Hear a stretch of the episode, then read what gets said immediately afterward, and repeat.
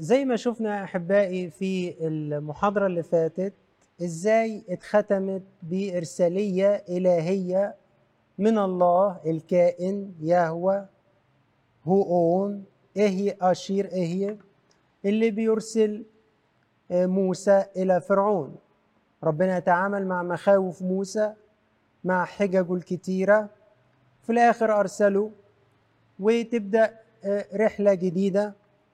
ومواجهة الحقيقة بين يهوى بين الكائن وبين آلهة المصريين. زي ما حكينا المرة اللي فاتت إنه بنو إنه شعب الله آه آسف المصريين في ذلك الوقت كانوا بيعبدوا تقريبا 103 إله. لما ندقق في بعض الآيات اللي جت في سفر الخروج وندرس تاريخ مصر الفرعونية هنكتشف إنه الأمر ما كانش مجرد إن ربنا بيخرج شعبه من أرض مصر. ربنا كان بيخوض مواجهة مع آلهة المصريين الكاذبة عشان نفسه المصريين يعرفوا مين هو الله الحقيقي. نفسه يفوقوا من العبادات الباطلة. فالموضوع الرئيسي للنصوص الكتابية دي عبارة صغيرة جت في خروج سبعة سبعة عشر بهذا تعرف إني أنا الرب. دي ربنا بيقولها لفرعون. بهذا تعرف إني أنا الرب. ربنا كان عايز يعرف فرعون. مين هو الله الحقيقي؟ كان عايز يعرف المصريين. مين هو الله الحقيقي؟ عشان كده يجب إن إحنا نفتكر إنه ده الموضوع المحوري في كل الضربات العشرة. الله أراد أن يعلن لهذا الشعب أنه وحده الكائن وليس أحد غيره.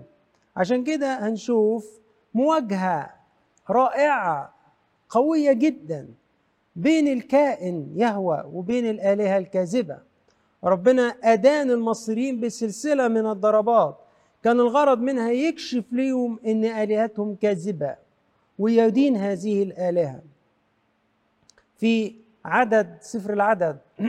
أصحاح 33 الآية 4 يقول كده إذ كان المصريون يدفنون الذين ضرب منهم الرب من كل بكر والرب قد صنع بآلهتهم أحكاما. يعني ربنا صنع أحكام وإدانة لهذه الآلهة. هستعرض معاكم بعض الآيات اللي بتثبت إن الضربات دي كانت مواجهة بين الرب إلى إسرائيل وبين آلهة المصريين على تنوعها. في خروج 12 12 لما في ضربة البكر قال فإني أجتاز في أرض مصر هذه الليلة وأصنع أحكاما بكل آلهة المصريين. أنا الرب. ربنا بيقول كده. في الليلة دي أنا هعدي في كل أرض مصر وهصنع أحكام بكل آلهة المصريين. إني أنا الرب. أنا الرب. يعني أنا الكائن. ده كله زيف. في خروج خمسة اتنين فقال فرعون من هو الرب؟ حتى أسمع لقوله. لما راح موسى وهارون يقولوا له ربنا قال لنا وقال لنا. راح رد بغطرسة كده وقال له من هو الرب؟ لا أسمع لقوله. يطلع مين الرب ده؟ فأطلق إسرائيل. لا أعرف الرب. أنا ما أعرفش حد اسمه الرب. وإسرائيل لا أطلقه. في صراع بين الرب وبين آلهة فرعون. في خروج سبعة عدد ثلاثة وأربعة وخمسة. يقول ربنا كده لكني أقسي قلب فرعون وأكثر آياتي وعجائبي في أرض مصر ولا يسمع لكم فرعون. يعني ربنا كان من الأول منبئ موسى وهارون بقساوة قلب فرعون. حتى أجعل يدي على مصر فأخرج شعبي بني إسرائيل من أرض مصر بأحكام عظيمة فيعرف المصيرون إني أنا الرب. حينما أمد يدي على مصر وأخرج بني إسرائيل من بينهم. في خروج سبعة 11 و 12 لما استعرض موسى الآيات بتاعته قدام فرعون يقول لك ففعل عراف مصر أيضا بسحرهم كذلك. طرحوا كل واحد عصاه فصارت العصي ثعابين. إيه ده؟ ده تحدي. دي الآلهة الكاذبة عايزة تثبت نفسها قدام الكائن. أيوة لكن يقول لك ولكن عصا هارون ابتلعت عصيهم في ضربة البعوض خروج 8 19 يقول لك فقال العرافون لفرعون هذه إصبع الله. إيه ده؟ ده شهادة من سحرة فرعون إنه لا لا لا لا. ده حد تاني غير آلهتنا. ده, ده الله بقى. في ضربة الدمامل يقول لنا كده لم يستطع العرافون أن يقفوا أمام موسى من أجل الدمامل لأن الدمامل كانت في العرافين وفي كل المصريين. كان في مواجهة في ضربة الضفادع دعا فرعون موسى وهارون وقال صليا إلى الرب. الله يا جدع أنت مش قلت من شوية من هو الرب؟ لا أعرف الرب ولا أطلق إسرائيل. آه اتكسر شوية. صليا إلى الرب ليرفع الضفادع عني وعن شعبي. فقال موسى كقولك لكي تعرف أن ليس مثل الرب إلهنا. هعمل كده عشان تعرف إن مفيش حد زي ربنا. ربنا إحنا مش أربابك أنت. في ضربة البرد أو البرد أرسل فرعون ودعا موسى وهارون وقال لهم أخطأت هذه المرة. الرب هو البار أنا وشعب الأشرار صلي إلى الرب. إيه ده؟ إيه فرعون بيبتدي يعرف مين هو الرب. وهكذا فعل أيضا في ضربة الجراد. تعالوا مع بعض نشوف إزاي انطلقت شرارة المواجهة بين الرب وبين آلهة فرعون في خروج خمسة من عدد واحد ل 11 يا ريت تفتح في البيت معايا كتابك المقدس أو من على موبايلك ونقرأ مع بعض. وبعد ذلك دخل موسى وهارون وقالا لفرعون هكذا يقول الرب إله إسرائيل اطلق شعبي ليعيدوا لي في البرية. حطوا خط تحت اطلق وليعيدوا. فقال فرعون من هو الرب حتى أسمع لقوله فأطلق في إسرائيل؟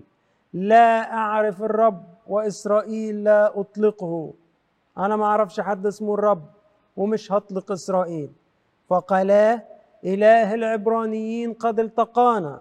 يهوى ده إله العبرانيين. قبلنا فنذهب سفر ثلاثة أيام في البرية ونسبح للرب إلهنا لئلا يصيبنا بالوباء أو بالسيف. فقال لهما ملك مصر لماذا يا موسى وهارون تبطلان الشعب من أعماله؟ اذهبا إلى أثقالكما أثقالكما. وقال فرعون هوذا الآن شعب الأرض كثير وأنتم تريحانهم من أثقالهم. فأمر فرعون في ذلك اليوم مسخر الشعب ومدبريه قائلا لا تعودوا تعطون الشعب تبنا لصنع اللبن كأمس وأول من أمس ليذهبوا هم ويجمعوا تبنا لأنفسهم ومقدار اللبن الذي كانوا يصنعونه أمس وأول من أمس تجعلون عليهم لا تنقصوا منه فإنهم متكاسلون. لذلك يصرخون قائلين نذهب ونسبح لإلهنا ليثقل العمل على القوم حتى يشتغلوا به ولا يلتفتوا إلى كلام الكذب. فخرج مسخر الشعب ومدبروه وكلموا الشعب قائلين هكذا يقول فرعون لست أعطيكم تبنا اذهبوا أنتم وخذوا لأنفسكم تبنا من حيث تجدون إنه لا ينقص من عملكم شيء. فقرة دي كبيرة وتعالوا نتوقف عند جزء جزء منها. الفيلم المشهور بتاع موسى يظهر وكأن موسى واحد من بتوع اللي بيدعوا لتحرير العبيد بفكرة زماننا الحاضر يعني. كأنه واحد بينادي بتحرير العبيد. لكن الأمر ما كانش مجرد دعوة مبهمة للحرية مجرد دول ناس مستعبدين طلعوهم. ما قالوش اطلق شعبي قال له اطلق شعبي ليعيدوا لي في البرية. الحرية هنا مش غاية في حد ذاتها لكن الحرية لغرض أسمى وهو الاقتران بالرب. يعني الناس دي مش هتنال حرية عشان تطلع تعيش لنفسها كده بدماغها؟ لا ده بيقول اطلق شعبي ليعيدوا لي. يعني الحرية هنا ليها غرض سامي وهو انه الشعب ده يقترن بربنا. ساعات كتير يا جماعة تعجبنا مبادئ إنسانية هي فعلا سامية وراقية لكن ما يجبش ابدا أن نفصلها عن دعوتنا للحياة في الله. زي الحرية مثلا مفيش حاجة اسمها حرية مبهمة كده.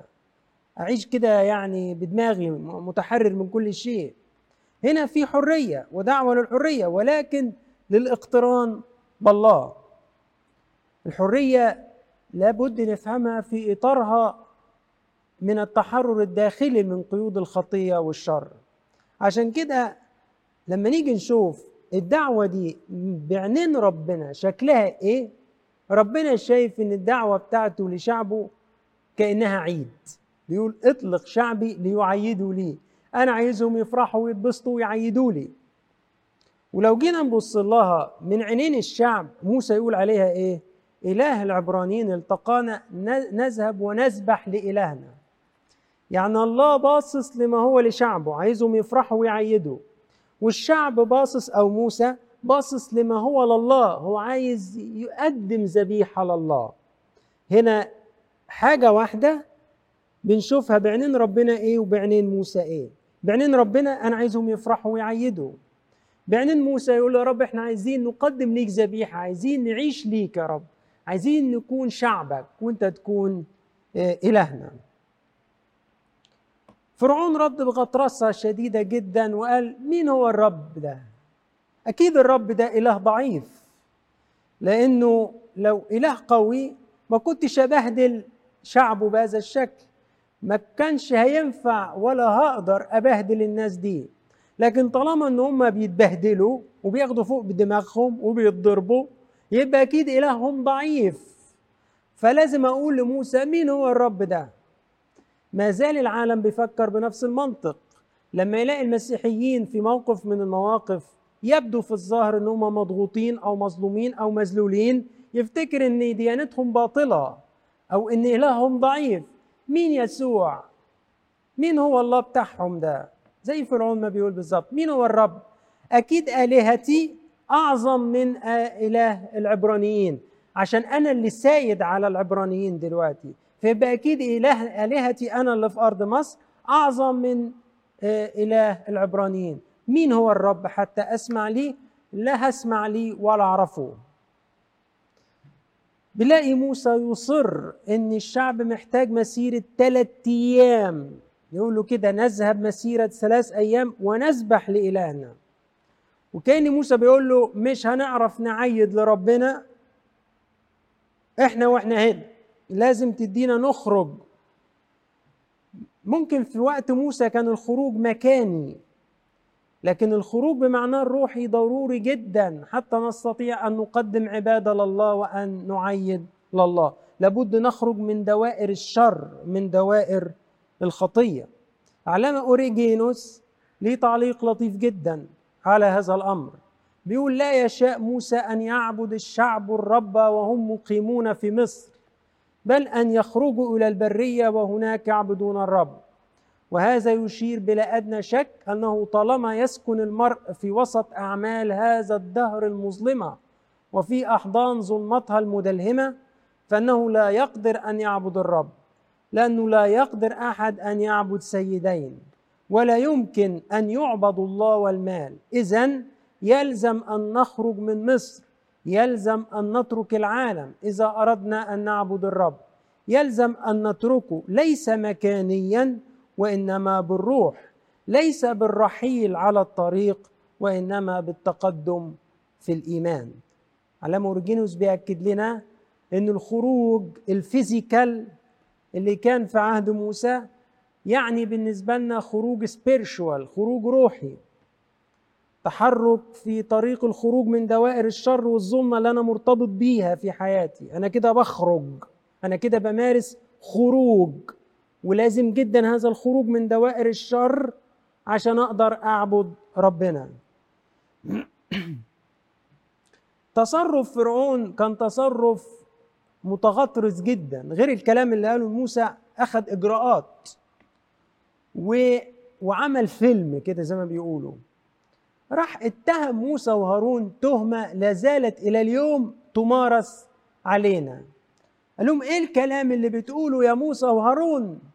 أنتوا بتضيعوا الشعب بتضحكوا عليهم. الكلام ده كلام كذب. أنتوا عايزين تخلوا الشعب يبطل شغل. أنا هزود الشغل على الشعب عشان ما يبقاش عنده وقت يسمع الكلام الفاضي اللي أنتوا بتقولوه له. قال لهم كده. قال لهم أنتم متكاسلون. عشان كده بتقولوا عايزين نروح نسبح لإلهنا. ادينا أجازة يعني. أنتوا مش عايزين تشتغلوا.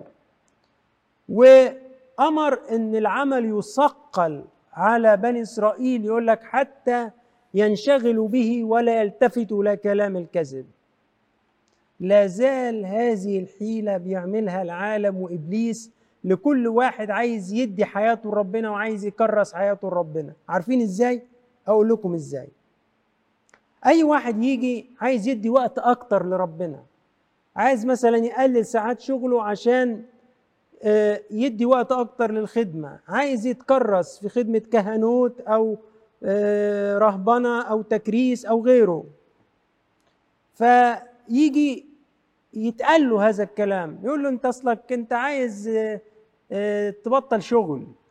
أصل أنت عايز تفضل عايش ورا الأكاذيب دي اللي بيقولها لكم في الكنايس. ده كلام فاضي.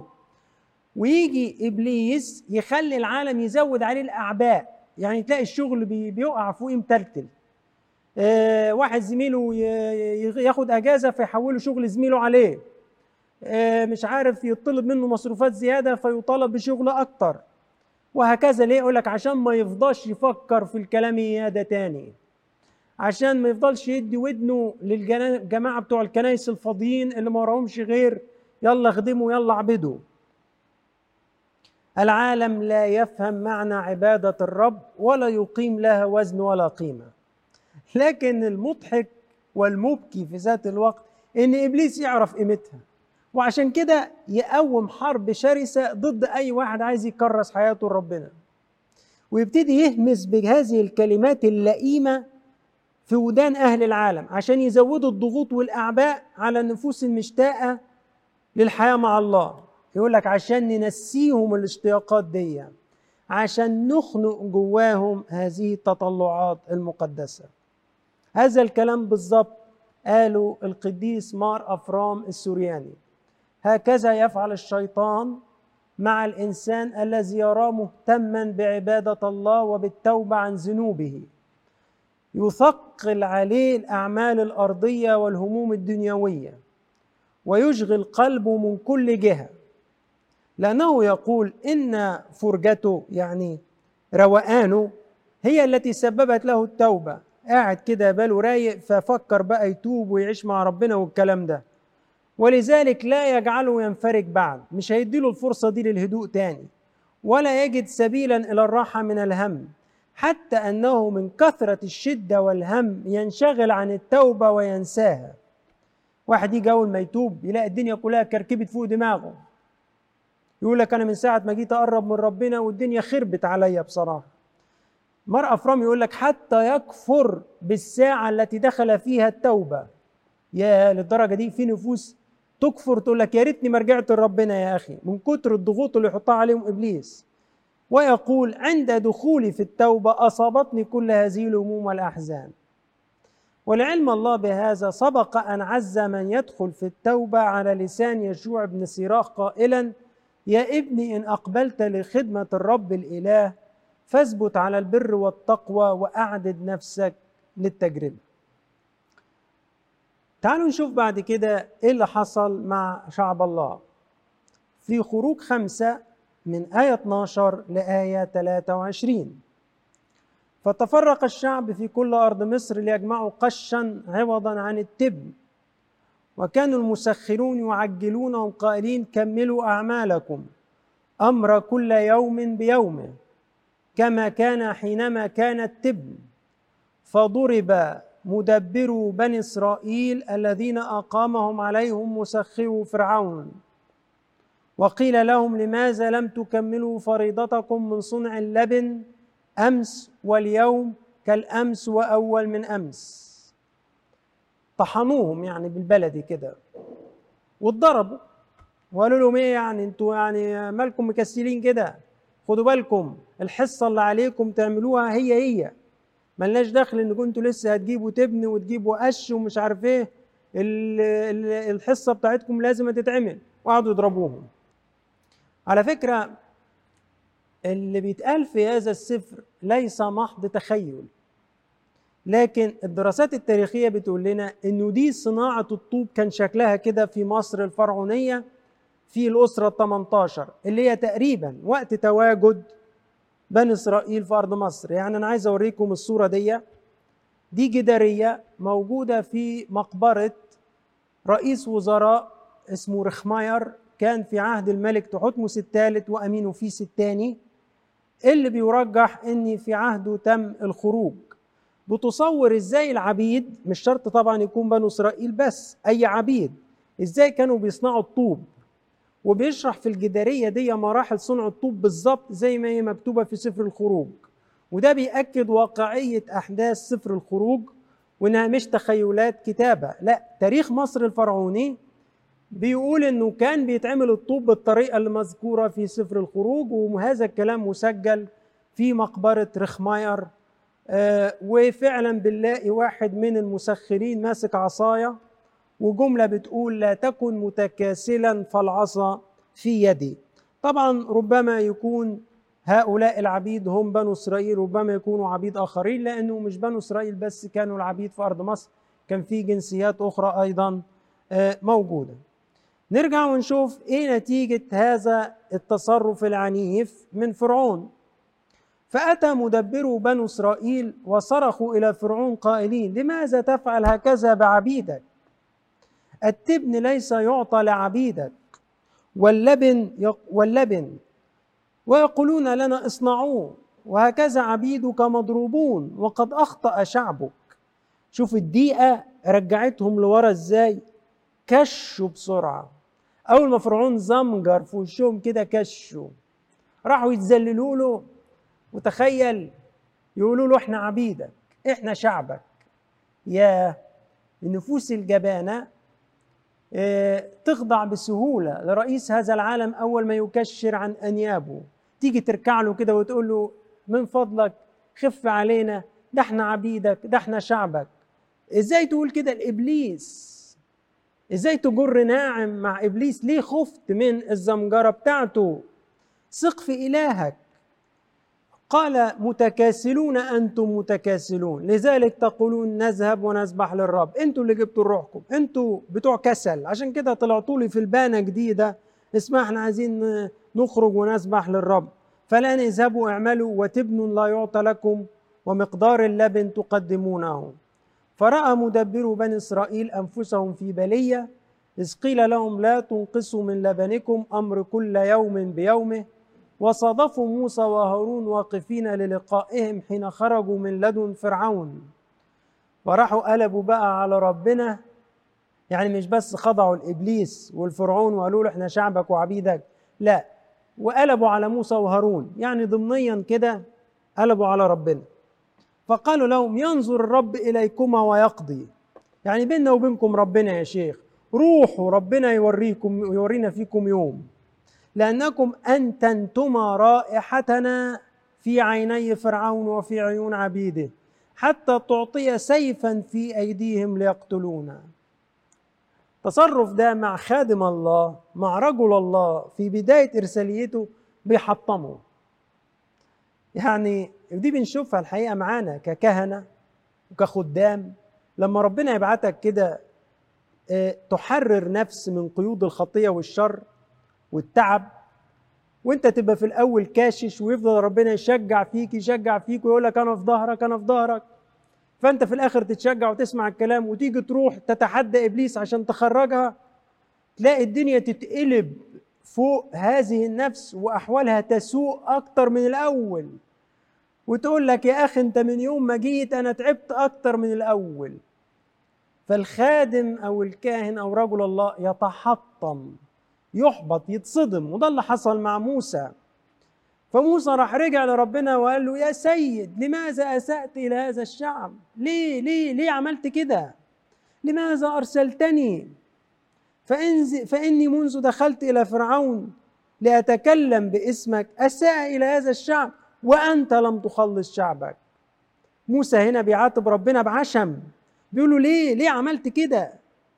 ليه طيب أرسلتني؟ ما دام يحصل كده ما دام مش هتعمل حاجة ليه بعتني؟ ده أنا من يوم ما اتدخلت في الموضوع والموضوع بقي أوحش من الأول. وأنت يا رب لم تخلص. حقيقة عايز أقول لكم إنه هذا المقطع مشجع جدا لكل من دعي لخدمة الرب. خد بالك يا رجل الله لا تجزع. أنت في بداية المشوار. الدعوة مظبوطة الإرسالية صحيحة والرب فعلا في ظهرك ومساندك وهيوافي قوله. بس معلش العدو بيقاوم وبيكابر. فما تنزعجش من الثورة بتاعته دي والبروباجندا اللي بيعملها. قريبا هيستسلم والمسيح هينتزع النفس منه غصب عنه.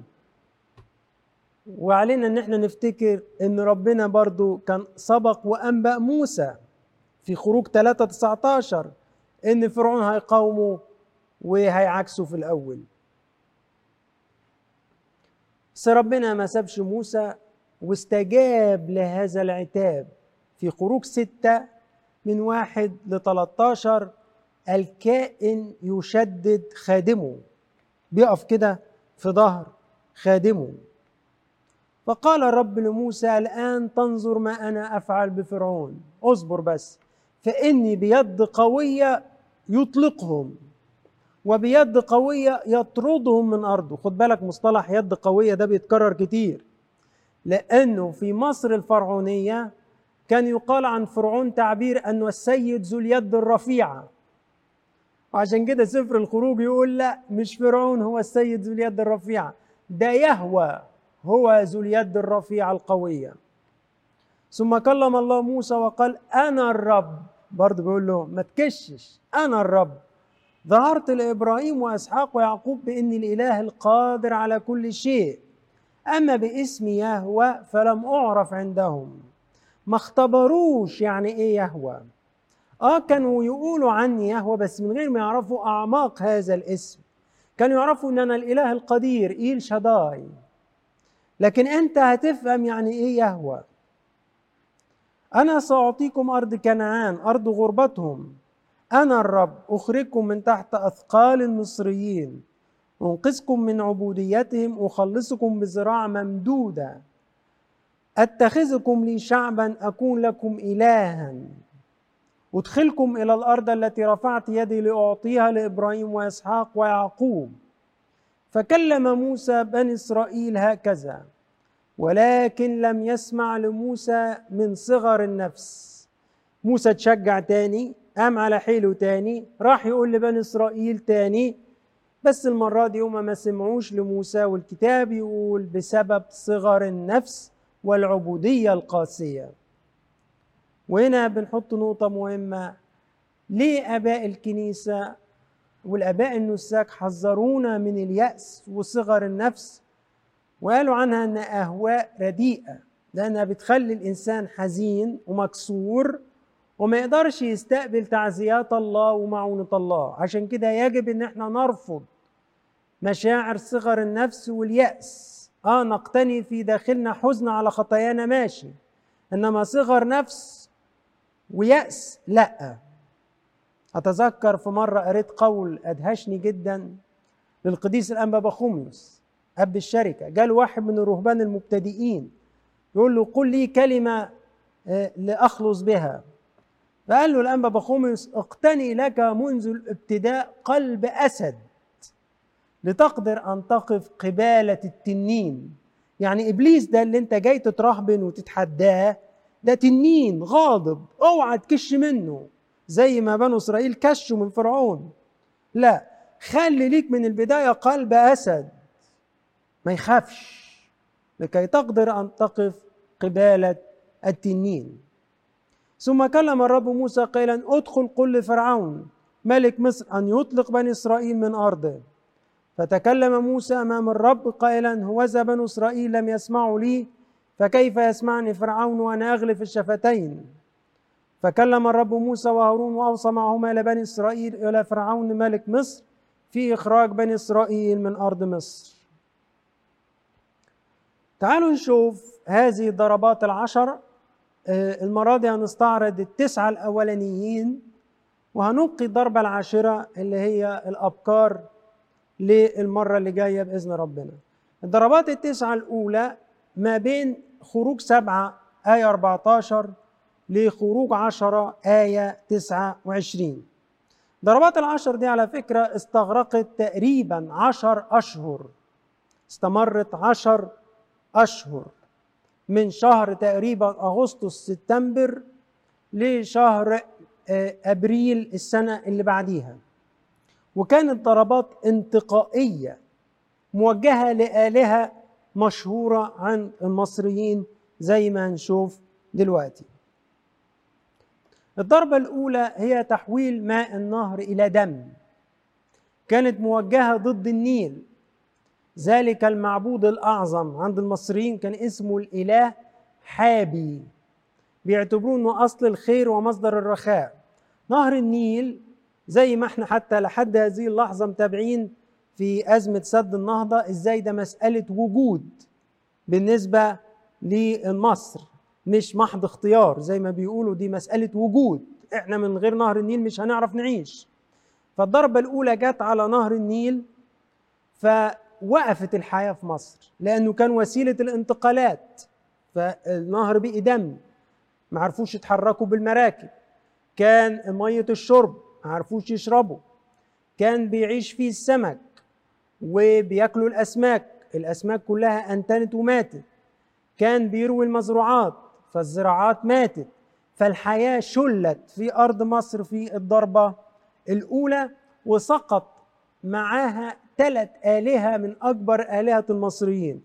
الإله خنوم لأنه بيقال إنه ده حارس مياه النيل والإله حابي اللي بيقولوا عنه إنه هو روح النيل والإله أوزوريس اللي بيعتبروا إنه النيل هو مجرى دماء الإله أوزوريس. يعني بيعتبروا كأنه النيل ده الشرايين بتاعة الإله أوزوريس. ففي ضربة النيل وحدها تحويل مياه النيل إلى دم سقط ثلاث آلهة من آلات المصريين. ما عرفتش تحمي مياه نهر النيل. ملحوظة على الضربة دي عرفوا فرعون قدروا يكرروها. برضه حصلت في أرض جاسان اللي كان بيقيم فيها شعب إسرائيل. وزي ما بنقول إنه الأسماك ماتت والنهر أنتن. الضربة الثانية ضربة الضفادع اللي صعدت على كل مكان في أرض مصر في خروج ثمانية الضربة دي كانت موجهة للإلهة هكت الإلهة هكت دي ضفدعة كده واخدة شكل الضفدع ورمز للإخصاب وهي زوجة الإله خنوم العظيم. فكانت ضربة عظيمة جدا لأن ممنوع عليهم يبيدوها لأنها شكل مقدس للآلهة بتاعتهم. فكانت في كل مكان ومش قادرين يموتوها لأنه ترمز لشيء مقدس عندهم فمش قادرين يموتوها. عرفوا مصر قدروا يكرروا برضو الضربة دي وبرضو حصلت في أرض جاسان المكان اللي بيقيم فيه شعب إسرائيل. الضربة الثالثة ضربة البعوض. سببت إحراج وخزي كبير جدا للمصريين لأنها جت في الماشية اللي كان المصريين بيقدسوا أنواع منها. يعني البقرة عندهم كان اسمها الإله حتحور وأبيس ده كان عجل مقدس جدا لدى المصريين.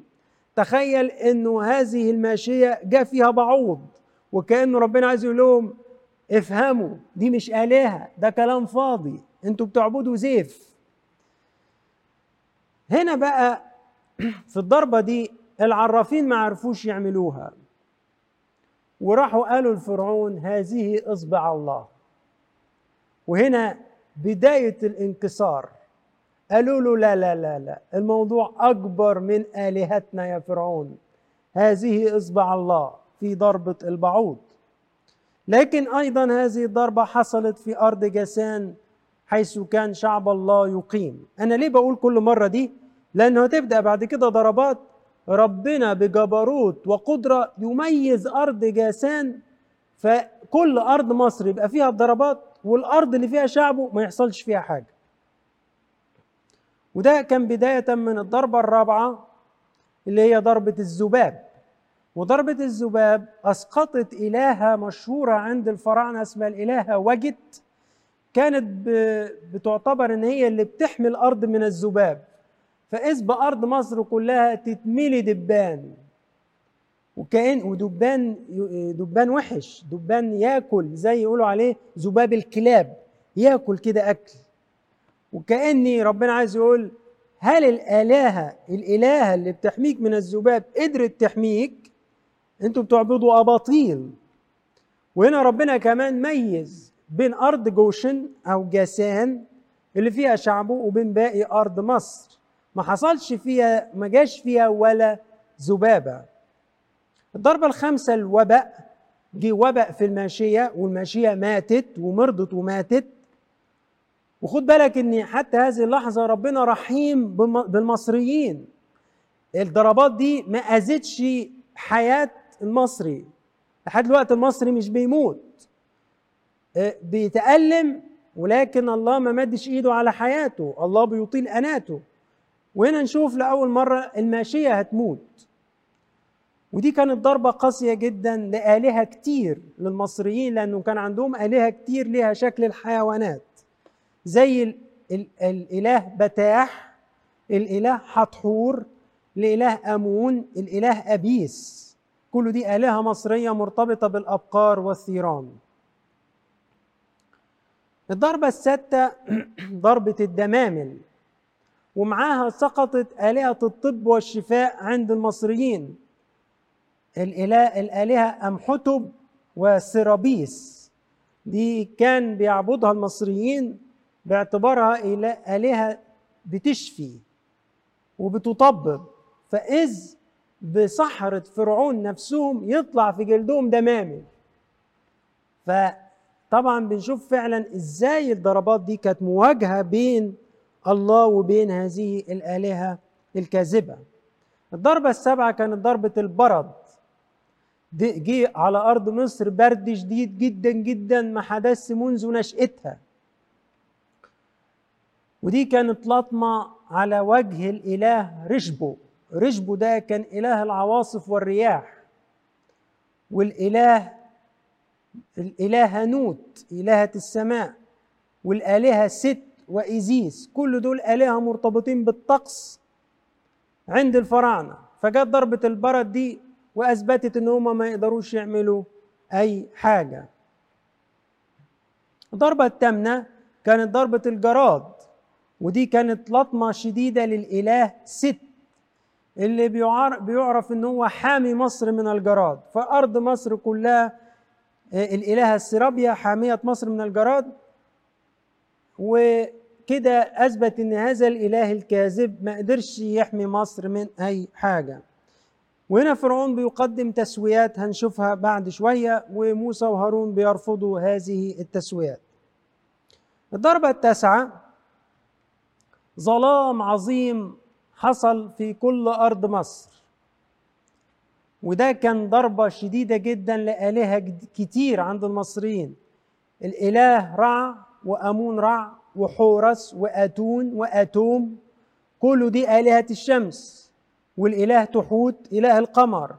لما يجي على أرض مصر ثلاثة أيام ما فيهاش نور خالص. فين الآلهة دي؟ ما قدرتش تنور ليه؟ لأن كلها زيف وكذب ولم تستطع أن تقف أمام الكائن الإله الحقيقي وحده.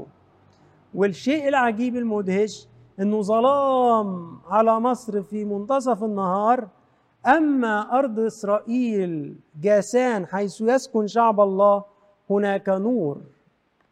والضربة الأخيرة كانت ضربة الأبكار واللي معاها انهارت الآلهة رع وأوزوريس اللي بتمنح الحياة. حقيقة كان هذا الصراع اللي بين يهوى وبين آلهة فرعون ما كانش بس في صورة الضربات لكن أيضا مثل لي صراع بين عصا موسى أو عصا الله أو عصا هارون وبين عصاه عصا فرعون. حقيقة اللي يقرأ الكتاب المقدس ويدقق فيه ويرجع لتاريخ مصر الفرعونية. يجد أن العصيان كان ليها قصة كبيرة عند الفراعنة وعند كل الشعوب القديمة. العصا كانت تحمل رموز دينية كتير جدا عند الفراعنة. وعشان كده لما قلت لكم في المحاضرة اللي فاتت افتكروا لما ربنا قال لموسى خد العصاية دي معاك خد العصاية دي معاك. ليه؟ لأنه هيكون في صراع بين عصا الله اللي في يد موسى وبين العصي اللي في إيدين فرعون وسحرة فرعون. آه، الآية اللي بتمثل هذا الصراع خروج 7 12 يقول كده وطرحوا كل واحد عصاه فصارت العصي ثعابين. ولكن عصا هارون ابتلعت عصيهم العصيان اللي بتحمل إشارات دينية لعبادات المصريين انهزمت. قصاد عصا موسى أو عصا الله اللي في يد موسى وهارون. حقيقة أنا في النبذة بتاعة الكتاب هتلاقوني عشان مش هقدر أشرح لكم هنا الوقت مش هيتسع لكن أنا حاطط لكم في الكتيب صورة للعصيان اللي كانت في عهد الفراعنة بأشكالها بأساميها كانت ترمز لإيه؟ الحقيقة يعني بحث لطيف جدا أشجعكم إن أنتوا تقروه وتشوفوا الصور. هتعرفوا إزاي إن العصاية دي كانت قصة كبيرة وإن فعلا كانت عصا الله اللي في يد موسى دي بتخوض حرب ضد العصي اللي في إيدين الفراعنة وفي إيدين آه، سحرة آه، فرعون. أدي مثلا نماذج لآلهة المصريين وهتلاقوا إنه لازم تلاقوا الفرعون ماسك في إيديه عصاية أو أكتر.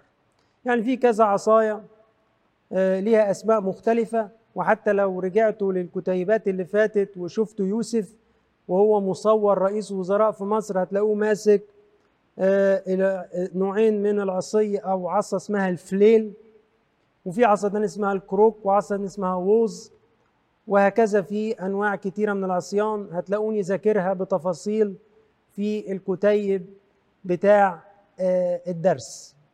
أحب إنكم ترجعوا ليها لأنه هتفهمكم قد إيه كل آية صغيرة في الكتاب المقدس ليها معنى.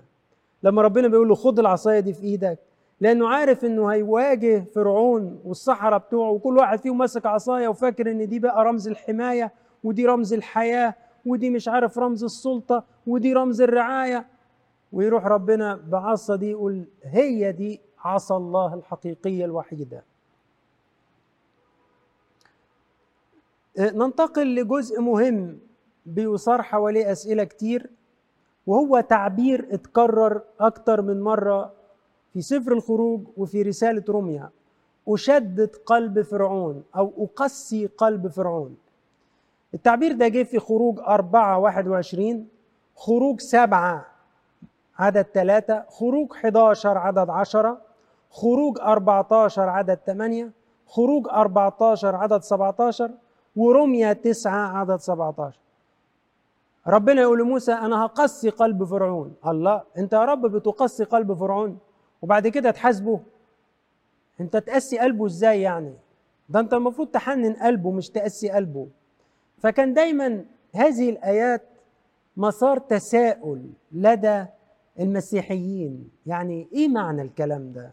كانت بتحيرهم لأنها بتحسسهم إنها مش منسجمة مع رحمة ربنا مع عدالة ربنا. حاول الآباء يشرحوا هذه الآيات باستقامة. عشان يخلصوا السامعين عشان السامعين دول ما يقتنوش أفكار باطلة أو مشوشة عن ربنا. أنا الحقيقة انتقيت شرح عجبني للعلامة أوريجينوس وحبيت إن أنا أشارككم بيه عشان نقدر نفهم منه يعني الله بيقسي قرب فرعون ومع هذا يظل الله رحيم وقساوة فرعون بإرادته هو. بيقول كده العلامة أوريجينوس. إن كنا قد عرفنا الله الذي تكلم بواسطة موسى أنه ليس فقط عادلا لكنه صالح أيضا. فيلزمنا إذن أن نتحقق من الأمر جيدا من حيث كيفية احتفاظه بعدالته وصلاحه في نفس الوقت مع كونه قد قسى قلب فرعون. دعنا إذن أن نجد حلا لهذه المعضلة. بواسطة بعض الأمثلة المشابهة بتتبعنا للمثال الذي ساقه, ساقه بولس الرسول في رمية 9 22 و 23 لنرى إن كنا نستطيع أن نبين مثلا أن الله بواسطة فعل واحد يظهر رحمته نحو شخص ما بينما يقصي شخصا آخر بنفس الفعل دون قصد من الله أن يتقصى هذا الآخر وإنما لأن الله في استعلان صلاحه وصبره. تتقسى قلوب أولئك الذين يقابلون لطفه وطول أناته باستهانة واستهتار لكونه تأخر في معاقبتهم على جرمهم. أما أولئك الذين يجعلون من صلاحه وصبره فرصة لتوبتهم وتجديدهم فإنهم ينالون الرحمة. تقول لي يا أبونا أنا ما فهمتش ولا كلمة. أقول لك أنا هشرح لك بالراحة. قديس بولس الرسول في رسالته العبرانيين بيقول كده أرضا قد شربت المطر الآتي عليها مرارا كثيرا وأنتجت عشبا صالحا للذين فلحت من أجلهم تنال بركة من الله ولكن إن أخرجت شوكا وحسكا فهي مرفوضة وقريبة من اللعنة التي نهايتها الحريق. قديس بولس بيقول لنا نوعين من الأرض نزلت عليهم المطرة من السماء. فالمطرة تسببت إن الأرض الجيدة أخرجت عشب صالح فأخذت بركة من ربنا. والأرض الرديئة بسبب المطرة اللي نازلة من السماء طلعت شوك. فوقع عليها حكم إنها تتحرق. وكأن المطرة هي السبب إن الأرض دي تتحرق. مع إن في الواقع هي مش السبب. هي المطرة نزلت المطرة ده شيء كويس نزلت من السماء. لكن اللي استقبل المطرة هو اللي فيه اختلاف. في أرض جيدة استقبلت المطرة فانتجت عشب صالح. وفي أرض رديئة انتجت شوك. فالعلامة أوريجينوس بيقول بالظبط كده. ربنا أمطر صبر وطول أنا من السماء. استقبلته قلوب صالحة فتابت بسبب طول أناة الله. واستقبلته قلوب قاسية ورديئة زي قلب فرعون فأنتجت قساوة. وكأن الله هو اللي قساها لأنه هو اللي رواها من فوق بطول أناته وصلاحه. في حين أنه لا يلام الله على صلاحه وطول أناته لكن يلام فرعون على أن طول أنات الله بدل ما تخليه يتوب خلته تقسى وبهذا يكون الرب يمكن أن يقال عنه أنه قسى قلب فرعون لا لأنه ألقى في قلبه قساوة بل بسبب أنه طول باله عليه وصبر عليه وما عاقبوش في ساعتها فدوك هتجبر بسبب قلبه القاسي. وده اللي قاله العلامة أوريجينوس. لذلك إذا تكلم شخص كأنه بلسان المطر فلا بد أن يقول إني أنا المطر الذي أنجبت الثمر الصالح وأنا أيضا الذي تسببت في نمو الشوك والحسك ورغم ما يبدو في هذا التقرير من صعوبة إلا أنه هو الحقيقة لأنه لولا هطول المطر لما نمت الثمار ولا خرج الشوك والحسك بينما نزول المطر على الأرض هو الذي أنجب الاثنين. ننتقل لجزء تاني مهم جدا في محاضرتنا النهارده وهو المساومات اللي تمت من فرعون وهي صورة لمساومات إبليس معانا. فرعون ده يتشبه بإبليس أبيه وبيحاول يساوم موسى بإنه يسيب وراه في مصر أي شيء عشان يرجعه تاني لمصر.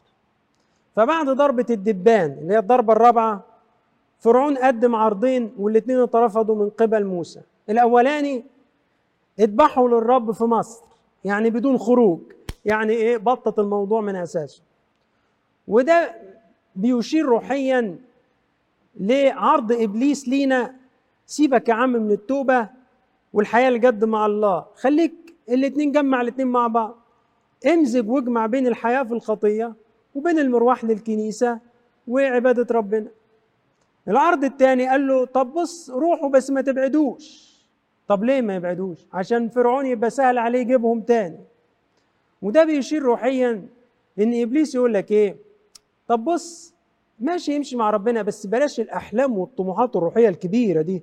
الكلام الكبير ده اللي أنت بتفكر فيه تكريس حياتك لله وإنك تكرز بالإنجيل وإنك تعيش حياة مقدسة.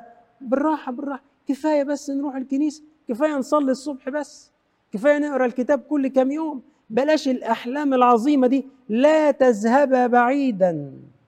ياما إبليس بيقول لنا كده ما تروحش بعيد. كفاية شوية بسيطة من الحياة مع الله. ما تروحش بعيد. ده عرض خبيث من إبليس.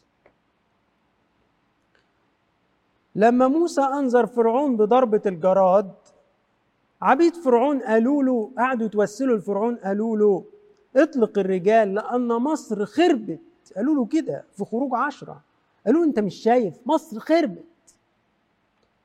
كانت لسه ضربة الجراد ما جاتش. فراح فرعون قدم عرض جديد. قال لهم بص يا موسى مين اللي هيخرج؟ مين اللي هيذهب؟ خلي الرجال بس يخرجوا. أما الشيوخ والنساء والأطفال خليهم موجودين. لكن موسى كان مصر. على خروج كامل غير منقوص. قال له آية جميلة جدا. نذهب بفتياننا وشيوخنا نذهب ببنينا وبناتنا بغنمنا وبقرنا لأن لنا عيدا للرب. أنا مش هسيب حاجة. فرعون رجع تاني للمراوغة بمساومة جديدة بعد الضربة التاسعة ضربة الظلام. قال لهم طب بصوا روحوا أنتوا اعبدوا ربنا. الرجالة والستات والشيوخ بس خلوا الغنم والبقر.